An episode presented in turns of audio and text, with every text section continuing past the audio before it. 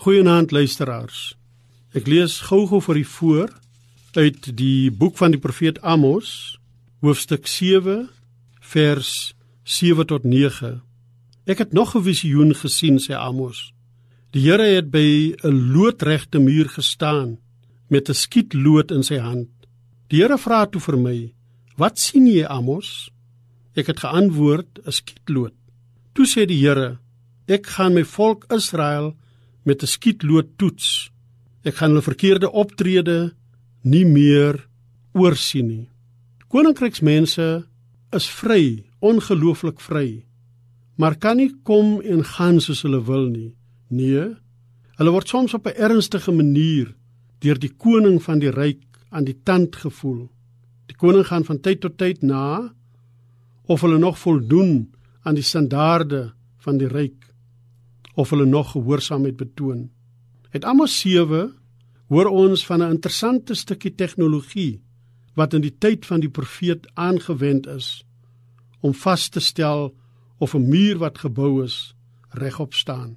Die waterpas wat in ons tyd bekend is in die boubedryf is soos die skietlood uit Amos se tyd 'n instrument om te kyk of die bouers nie droog gemaak het nie. Die skietlood word dan metafories gebruik om te wys hoe God sy mense toets of hulle nog regop staan of hulle nog op koers is. In ons tyd het die morele verval dalk al so ver deurgewerk dat mense dit moeilik vind om staande te bly. En dis nou om nie eens te praat van regop staan nie. Daar heers soms 'n bietjie die gevoel van Wat help dit tog? Almal maak so. Waarom nie ook ek nie? Dis 'n verstaanbare menslike gevoel.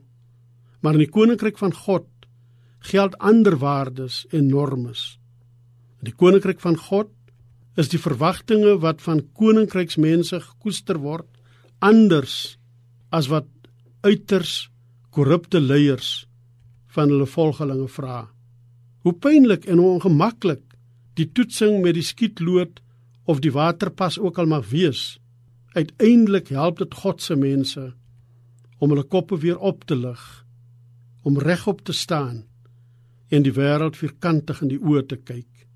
Ons hemelse Vader, ons God en koning, ons bid nou dat U ons sal deurgrond en ons volkome herstel sal bied.